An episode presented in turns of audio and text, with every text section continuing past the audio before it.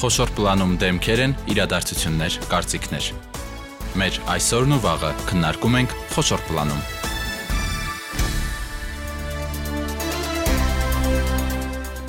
Բարի երեկո, դուք միացել եք Հանրային ռադիո երիտասարդական ալիքին։ Յուրաքանչյուր 5 շաբթի մենք շարունակում ենք խոշոր պլանում կրթությանն առնչվող թեմաներ քննարկել, հիմնախնդիրներից ու բարեփոխումներից մինչև նոր ծրագրեր ու հնարավորություններ երիտասարդների համար, եւ այսօր առիթ ունենք անդրադառնալու Next Gen առաջնորդության ակադեմիային, որը արդեն երրորդ փուլով ընդունելություն է հայտարարել, իսկ այս ակադեմիան իրականացնում են Restart գիտակրթական բարեգործական հիմնադրամը եւ Հանրային քաղաքականության ինստիտուտը։ Այսօր մեր տաղավարում են Next Gen ակադեմիայի հավաքագրման եւ ներգրավման համակարգող Յուրի Գյուրի Մովսեսյանը։ Բարի երեկո։ Շնորհակալ եմ կրկին մեզ հյուրընկալվելու համար։ Մեզ հետ է նաև Հանրային քաղաքականության ինստիտուտից Արփի Պողոսյանը, որը ակադեմիայի համակարգողն է։ Արփի, բարի գալուստ իմ ռադիոյի տաղավար։ Շնորհակալություն, բարև ձեզ։ Եկերներ, նախ այն մարդկանց համար, ովքեր առաջին անգամ են լսում Next Gen ակադեմիայի մասին, մի փոքր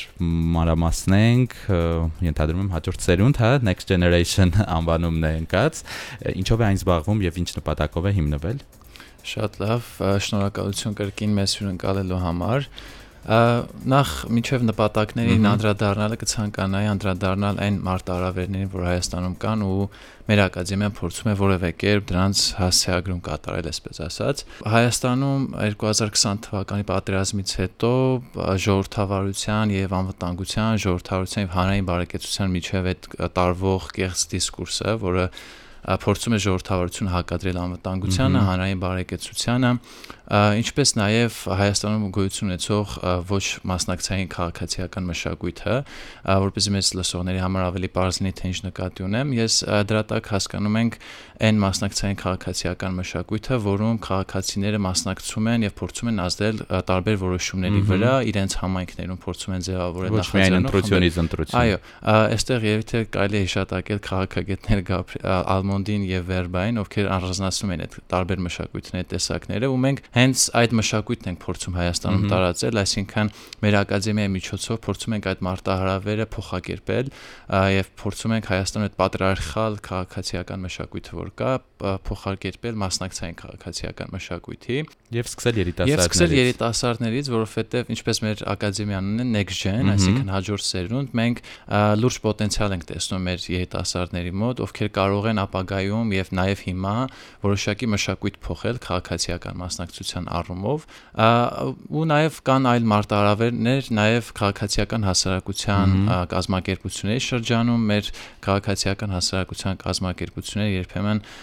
այդ կարճաժամկետ ծրագրերի տիրույթում են գտնվում եւ հնարավորինս լայն չեն արձագանքում հասարակության կարիքներին եւ մեր կոնցեպտը համայնքի կազմակերպման այդ հասկացությունը, որ մենք մեր ակադեմիայի ընթացքում մասնակիցներին փոխանցում ենք, հենց այդ մարտահրավերին է փորձում արձագանքել, այսինքն մեր մասնակիցները ոչ թե կարճաժամկետ ինչ որ նախագծեր են իրականացնում, այլ նրանք փորձում են իրենց փորձառության հիման վրա որոշակի սոցիալական հիմնախնդիրներ առանձնացնել ու տարբեր համայնքներում որոշակի նախաձեռնություններ սկսել ու այս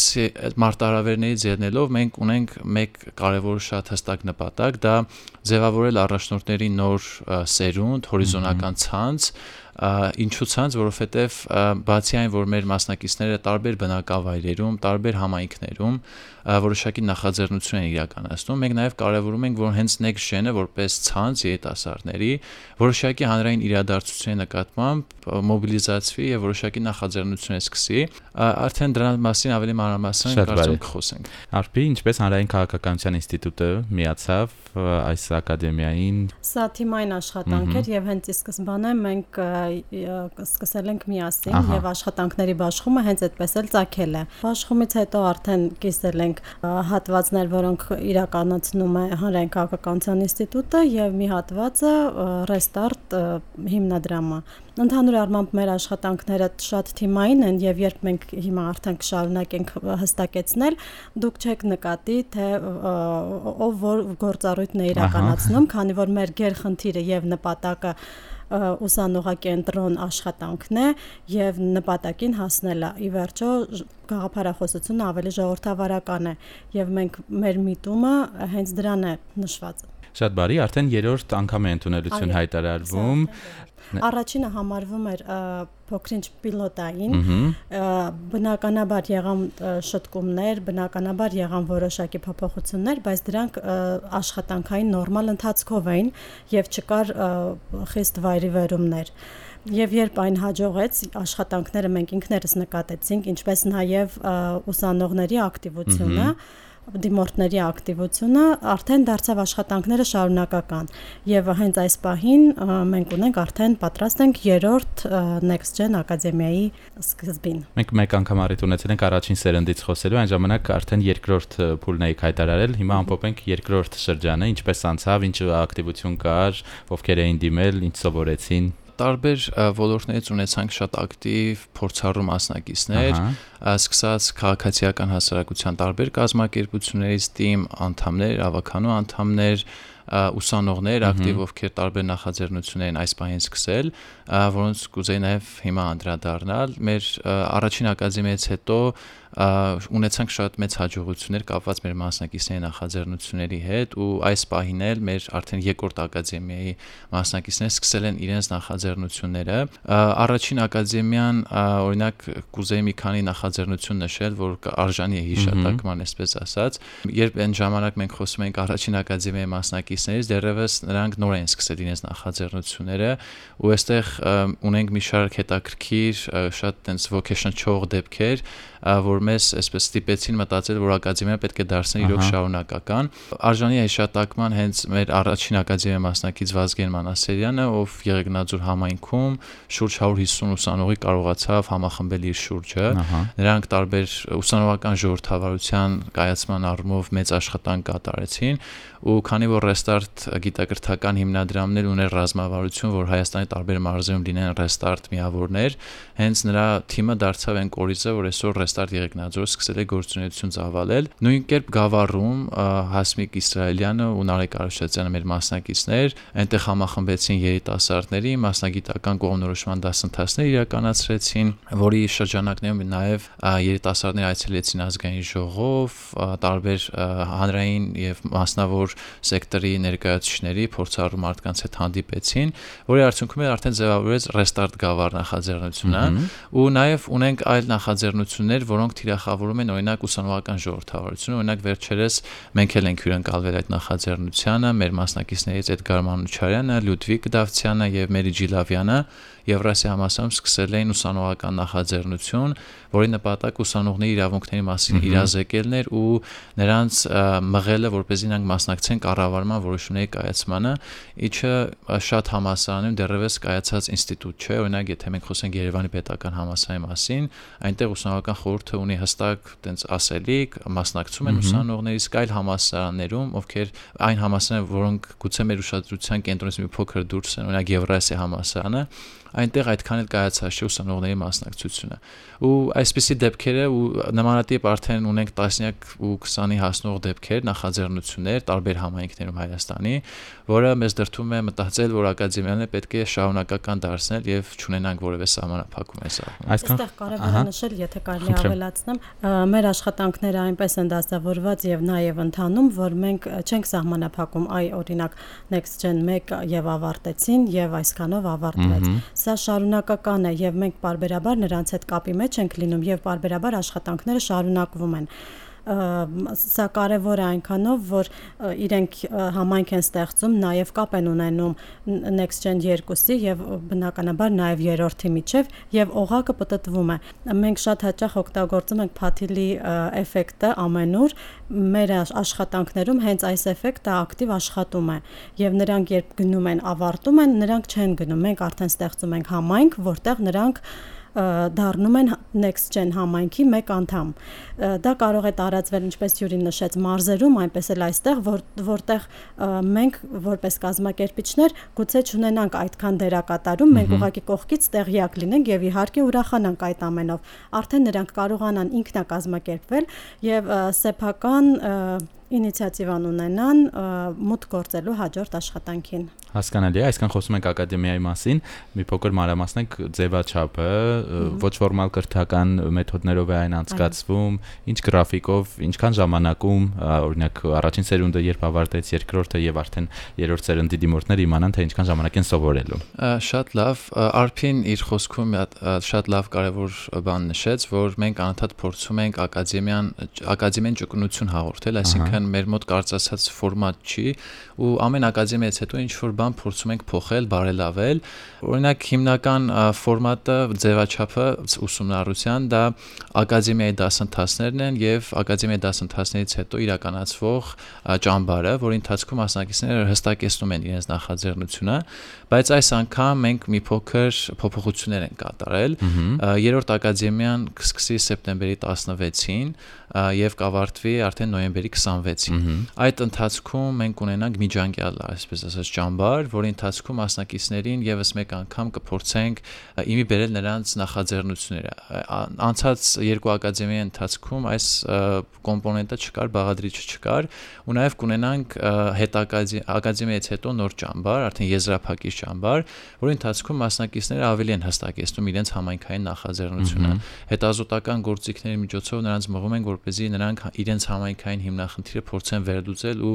ավելի լայն կոնտեքստում դիտարկել դա։ Ու ակադեմիայի դասընթացները հիմնականում տեղի են ունենում շաբաթ եւ կիրակի օրերին, երկու շաբաթ մեկ, ու նաեւ ունենում ենք մենք on-line ձևաչափով հանդիպումներ, իրականում այստեղ եւ թե արժանի է հիշատակման մեր տարբերվող մոտեցում այլ ոչ ֆորմալ կրթական ծրագրերից տեսեք քանի որ մենք այս ոլորտում իրականում մեծ փորձ ունենք թե որպես մասնակից այդ ծրագրերի թե նաեւ որպես նախաձեռնող մենք տեսել ենք այսպիսի մի հատ շատ ոչ ռելևանտ մոտեցում մեր տարբեր քաղաքացիական հասարակության կազմակերպությունների տեսանկյունից, որ ոչ ֆորմալ կրթական ծրագրեր են իրականացնում, երբ մասնակիցներին դիտարկում են որպես զուտ մասնակից, այսինքն նրանք գալիս են դասընթացներին մասնակցում են եւ որևէ ռեֆլեքսիա, այսպես ասած, արդյունքների ամփոփում, նրանց հետ շարունակական աշխատանք չի կատարվում։ Այս առումով մենք ունենում ենք 5 մենթորներ, որոնք մեր նախորդ ակադեմիայի մասնակիցներն են, այսինքն մենք փորձում ենք նախորդ ակադեմիայի մասնակիցներին նոր հնարավորություն տալ ներգրավել մյուս ակադեմիաներում եւ մենթորների միջոցով ու նաեւ մեր թիմի միջոցով փորձում ենք նույնիսկ դասընթացներից հետո նրանց հետ շարունակական աշխատանք կատարել։ Ուսումնառության նյութերի ուսումնասիրություն, նախաձեռնության պլանի կազմում եւ այլն։ Այսինքն ընդհանուր ակադեմիան զուտ միայն այդ ժամկետներով չի սահմանափակվում։ Մեր ուսումնառությունը ու համայնքային նախաձեռնությունը իրականացումը անընդհատ շարունակական բնույթ է կրում ու նաեւ մեր գործընկերները կոնկրետ հանրային քաղաքականության ինստիտուտից այս առումով մեծ ներդրում ունեն, որովհետեւ հիմնականում նրանք փորձագետներ են, դասախոսներ են, ունեն գիտական գիտական կոչումներ ու մեծ փորձ ու այս առումով բացի նրանից որ Restart գիտակրթական հիմնադրամը մասնակիցների հետ շարունակական աշխատանք է կատարում շատ կարևոր է որ մեր մյուս գործընկերը հանրային քաղաքականության ինստիտուտը նաև փորձագիտական աջակցություն է ցուցաբերում մեր մասնակիցներին շատ բարի հիմա ընդունելությունը հայտարարել եք մինչև սեպտեմբերի 5-ն է վերջնաժամկետը ինչ ակտիվություն կա Բնականաբար արդեն դիմորդները կան, թեև ռեստարտն է հավաքագրումը իրականացնում, դեռևս այն բաց է եւ կարող են դիմել մեզ սոցիալական կայքերում այն սփռված է ամենուր եւ դիմորդները ներկայացնում են հայտը յուրին խնդրեմ մենք ունենք արդեն նոր Facebook-յան edge Next-Gen Academy ունենք մեր նաեւ սոցիալական մեդիա էջերը Facebook-յան ու Instagram-յան հանրային քաղաքականության ինստիտուտի էջը Facebook-յան նաեւ Restart գիտակրթական հիմնադրամի Facebook-յան եւ Instagram-յան էջերը այդ այդտեղ կարող են գտնել հայտարարությունը Next-Gen-ի վերաբերյալ մենք միշտ տարբեր այսպես նյութերով ենք կիսում սոցիալական ապդեյթներ ենք անում ու այս պահին իհարկե շատ ակտիվ փուլում է, արդեն մի քանի տասնյակ դիմորդներ ունենք, որոնց հետ արդեն հարցազրույցներ իրականացվեն, իրականում շատ մրցունակ հայտադիմումներ են, օրինակ մենք մեր փորձից կարող եմ կիսվել, որ մենք ունենում ենք տարբեր ոչ ֆորմալ կրթական ծրագրեր, ակադեմիային շատ քիչ դիմորդներ ենք ունենում, ի տարբերություն այլ ոչ ֆորմալ կրթական ծրագրերի, բայց հայտադիմումների որակը ու մասնակիցների մոտիվացիան մի քանի անգամ շատ բարձր է եւ հարցազրույցների ընթացքում մենք անդադ համոզվում ենք դրանում ու մասնակիցները բոլոր դիմորդները մեծ մոտիվացիա ունեն։ Ինչն է կարևորում։ Ինչն են կարևորում, մեզ համար շատ կարևոր է նախ իհարկե մասնագիտ մասնակիցների գիտելիքներն ու փորձը։ Այսինքն բայց կարևոր չէ, որ այն լինի միայն, չգիտեմ, հանրային կառավարման կամ քաղաքագիտության ոլորտում։ Չէ, կարևոր չէ, որ օրինակ մենք ունեցել ենք մասնակիցներ, օրինակ, ովքեր տարբեր, չգիտեմ, նույնիսկ արվեստի ոլորտից են եղել, չգիտեմ, տնտեսագիտության եւ այլն եւ այլն։ Մեզ համար կարևորը այն է, որ մասնակիցը թեկուզ կապ անկախ նրանից թե նա որ ոլորտում է աշխատում, ստեղծագործում, ունենա որոշակի գիտելիքներ մի շարք թեմաների շուրջ, ժողովրդավարություն, քաղաքացիական մասնակցություն ու նաեւ ունենա համայնքի կազմակերպման փորձառություն, այսինքն ունենա ինչ որ նախաձեռնող խումբ, որը ցանկանում է նրան շարունակականություն հաղորդել եւ այլն, ու նաեւ շատ կարեւոր է պատրաստակամությունը եւ նրանց, այսպես ասած, նվիրումը ակադեմիային, որովհետեւ ինչպես նշեցի, ուսումնառության փուլը մի փոքր դժվար է ու որոշակի ջանք եւ ժամանակ է իրենց ենթադրում։ Մենք երբեմն ունենում ենք մասնակիցներ, ովքեր իրականում շատ լավն են, սակայն ելնելով իրենց ոլորտային առանձնահատկությունները չեն կարող այդքան ժամանակ նվիրել։ Բայց հիմնականում շեշտադրումը կատարվում է նրանց գիտելիքներին եւ փորձառությանը եւ ակադեմիան հենց այն վայրն է, որտեղ մասնակիցները կարող են այդ փորձառությունը նոր գիտելիքների ու հմտությունների միջոցով ավելի կատարելագործել։ Ու այս առումով կուզեմ նաև հիշատակել մեր մոտեցումը զսպանակի մոդելի տեսանկյունից, ինչա իրենից ենթադրում դա, որ մասնակիցը արդեն իսկ որոշակի փորձառություն ունենալով գալիս է ակադեմիա, ստանում է նոր գիտելիքներ, փորձում է ռեֆլեքսիա կատարել, նորից կրկին փորձել իր համայնքի կազմակերպման նախաձեռնությունը սկսել ու կրկին նորից կշռադատել։ Այսինքն ակադեմիան, ինչպես Արփին նշեց, օղակաձև ինչ որ էֆեկտ ունի, անդադ մասնակիցները ռեֆլեքսիա են անում, սկսում են նոր բաներ, մենք սկսում ենք գնահատել, անդադ հետադարձ կապի միջոցով փորձում ենք բարելավել։ Ինչպես Յուրին նշեց, այս ոչ ֆորմալ կրթություն ասելով մենք լայն ենք դիտարկում։ Դրա մեջ է մտնում նաև մեր ամբողջ կրթական ծրագիրը, դասախոսական կազմը, մեր մոտեցումը ուսանողներին եւ նրանց հետ հետադարձ կապը։ Այս ամենը մանրամասն քննարկված եւ մեր նշանակետին հասնող ծրագրից է կախված։ Ընտրվում են բանախոսներ բնականաբար հաշվի առնելով նրանց ակադեմիական մասնագիտական, այո, բարձր որակավորումը, նաեւ նրանց պրակտիկ գործունեությունը տվյալ ոլորտում եւ իհարկե մենք պարտադիր հաշվի ենք առնում նրանց ընդհանուր ժողովրդավարական գաղափարախոսությունը, որքանով են նրանք բաց համագործակցելու ուսանողների հետ, որքանով են նաև կարևոր նրանց մանկավարժական հմտությունները։ Ի վերջո մարդ կարող է լինել հրաշալի մասնագետ, սակայն չկարողանա փորձը փոխանցել։ Այս ամենը մենք մանրամասն քննարկում, մանրամասն որոշում ենք, բոլոր կետերին անդրադառնում ենք բանախոսների հետ, լինում են դեպքեր, երբ նրանք են առաջարկում որոշակի նորություններ ավելացնելու իրենց դասի ընթացքում։ Այս ամենը կարծես նորմալ process է մեզ համար եւ սովորական է։ Սա կուլիսային աշխատանքների մի հատվածն է։ Եվ երբ այս ամենը կառուցվում է, մենք ստեղծում ենք հարթակ էլեկտրոնային, որտեղ զետեղված է ամբողջ ինֆորմացիան եւ դասա օրինակ դասացուցակը բանախոսների մասին ինֆորմացիա, նաև ունենում են կարդալու նյութեր, ինչպես նաև տեսասահիկների այն այն հատվածը, որը որ ներկայացվում է նրանց։ Այսինքն ուսանողը երբ դիմում է մեզ եւ սկսում է մեր աշխատանքները, նա ամբողջապես տեղեկացված է եւ ցանկացած պահի իր սմարթֆոնով կարող է մտնել եւ տեսնել ընթացքը, ծանոթանալ, կարդալ եւ շարունակել աշխատանքները։ Կարծում եմ սա եւս կարեւոր է, երբ մասնակիցը իրեն ապահոված է զգում ճիշտ է, բարդ է այս տեղեկատվությունը յուրացնելը, բայց մատչելիացված է աշխատանքների ընթացքը։ Շատ բարի, եւ խոսենք ուսանողների համար ամենագրավիչ հատվածի մասին, հնարավորություն կա այցելել Չեխիա։ Այո։ Ում է բաժին հասնում այս հնարավորությունը ամեն անգամ, ընդամենը մեկ ուսանողի թե մի քանիսը կարող են գնալ եւ կարեւորը Չեխիայում ինչ են սովորում։ Ես մի փոքր չափանիշներից խոսեմ ու Արփին, քանի որ արդեն իսկ փորձ ունի այցելել Պրահա, կարծում եմ ավելի մանրամասն կներկայացնի հիմնական չափանիշները, որ մենք ընտրում ենք մասնակիցների, նախ համայնքի կազմակերպման արդեն նախաձեռնության արդյունքներն են,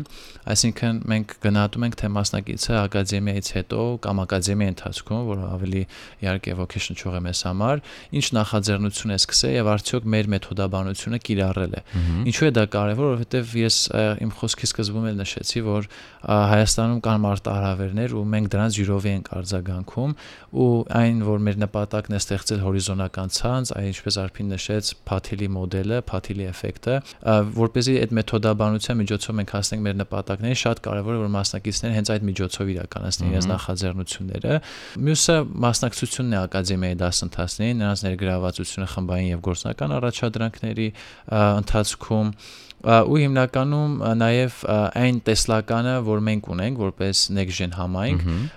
դա նվիրվածությունն է Հայաստանի ժողովրդավարական տեսլականին, քաղաքացիական հասարակության բարեփոխմանը եւ այլն, ահա այս հիմնական չափանիշներն են, որ մենք կարևորում ենք ընտրություն կատարելիս, սակայն այստեղ շատ կարևոր է, որ մենք մի փոքր երբեմն սահմանափակում ենք ունենում մասնակիցների ընտրության առումով, այսինքն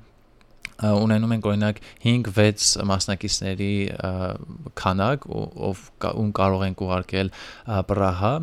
եւ այս առաջին եւ երկրորդ ակադեմիաների ընթացքում իրականում փորձել ենք հնարավորինս արդարամիտ լինել մեր չափանիշների առումով, սակայն այնուամենայնիվ շատ դժվար է, երբ սահմանափակ է հնարավորությունը, սակայն Արփին իր խոսքում նշեց, մենք նույնիսկ հնարավորություն կարող ենք տալ, եթե մասնակից օրինակ առաջին ակադեմիան է ավարտել, օրինակ 2 տարի հետո մեկնել Պրահա, որովհետեւ մենք այս Պրահա այցելությունները պլանավորել ենք, նախատեսել ենք, որ տարեկան գոնե երկու անգամ կլինի արդեն մանրամասն Պրահայի այցելության մասին կարծում եմ արփին կներկայացնի։ Շնորհակալություն մեր դասընթացների ընթացքում մենք ունենք նաև դասաժամ, ով վարում է Իգոր Բլաժևիչը, նա Prague Civil Society Center-ից է եւ դասընթացի ժամանակ նա ներկայացնում է որոշակի մոդելներ, փորձի փոխանակման հնարավորություններ եւ սա առաջին մոտիվացնող քայլն է լինում աշխատանքների Դե ընտրությունը հնարավորինս անաչառ ինչպես Յուրին նշեց, իրականացնում ենք բնականաբար աշխատանքների հիման վրա եւ հրաշալի է, որ ունենք հնարավորություն կարողանանք ուսանողներին տանել Պրագա։ Այնտեղի աշխատանքները իրականանում են նախրավերը կազմված է բուն գործունեությունը, մենք մասնակցում ենք Unlock փառատոնին որտեղ հետսովետական երկրների տարբեր մասնակիցներ են եւ ծրագրերը շատ տարբեր են։ Բացարձակ կարևոր չի թե ով ինչ ուղղություն է ունենում, բայց բոլորը ներկայանում են, ծանոթանում են միմյանց հետ, տալիս են իրար հնարավորություն եւ ունեն խոսքի իրավունք մենք նույնպես ունեցանք հնարավորություն արդեն առաջին անգամ մեկնեցինք, ծանոթացանք բոլորի հետ, թվում է թե մենք շատ տարբեր ենք իրարից, բայց ի վերջո հետ սովետական երկրները ակցումային փուլ են ունենում։ Այո, այո, եւ այդ նմանությունը շատ ակնհայտ է։ Եվ նույնիսկ եթե այդ ծրագիրը տարբեր օրինակ մերը կրթական ծրագիր էր, մենք կարող ենք խոսել մեկ ուրիշ ոլորտի ծրագրի հետ, բայց ուղղությունը, անցումը, ֆինանսական սուղ պայմանները եւ ոդքի կանգնելը ի վերջո նույնն է դառնում։ Սա հրաշալի հնարավորություն օգնություն է ուսանողների համար փորձի փոխանակման միջոցով ձեռք բերել նոր գաղափարներ, նոր ծանոթություններ եւ ավելի համարցակ սկսել հաջորդ գործը։ Եվ դա եւս հնարավորություն է տալիս հենց իրենց համայնքում շուրջը դիտելով գտնել խնդիրներ, վերհանել դրանք եւ քայլերի հերթականությունը, որը տալիս է ակադեմիայի ընթացքում ուսումնառության ընթացքում ինֆորմացիան, նրանք կարողանում են օգտագործել եւ վեր են հանում ցանկացած խնդիր։ Եվս մեկ անգամ հիշեցնենք, վերջնաժամկետը սեպտեմբերի 5-ն է եւ ամենակարևորը ակադեմիայում մասնակցությունը անվճար է։ Այո։ Շատ բարի ընկերներ, ձեզ հաջողություն եմ մաղթում, նաև հաջողություն եմ մաղթում այն բոլոր դիմորդներին, որոնք այս պահին լրացնում են իրենց հայտերը եւ մաս են կազմելու Next Gen Ակադեմիայի արդեն երրորդ շրջափոլին։ Ձեզ շնորհակալություն հրավերի համար, հաճել էր զրուցել։ Փոխադարձաբար, հիշեցնեմ, այսօր մեր տաղավարում էին Յուրի Մովսեսյանը, Next Gen Ակադեմիայի հավաքագրման եւ ներգրավման համակարգող, ինչպես նաեւ Հանրային քաղաքականության ինստիտուտից Արփի Պողոսյանը, որը ակադեմիայի համակարգողն է, նրանց հետ զրուցեց Սևակ Հակոբյանը։ Մենք եթեր կվերադառնանք հաջորդ 5 շաբթի։ Առողջ եղեք։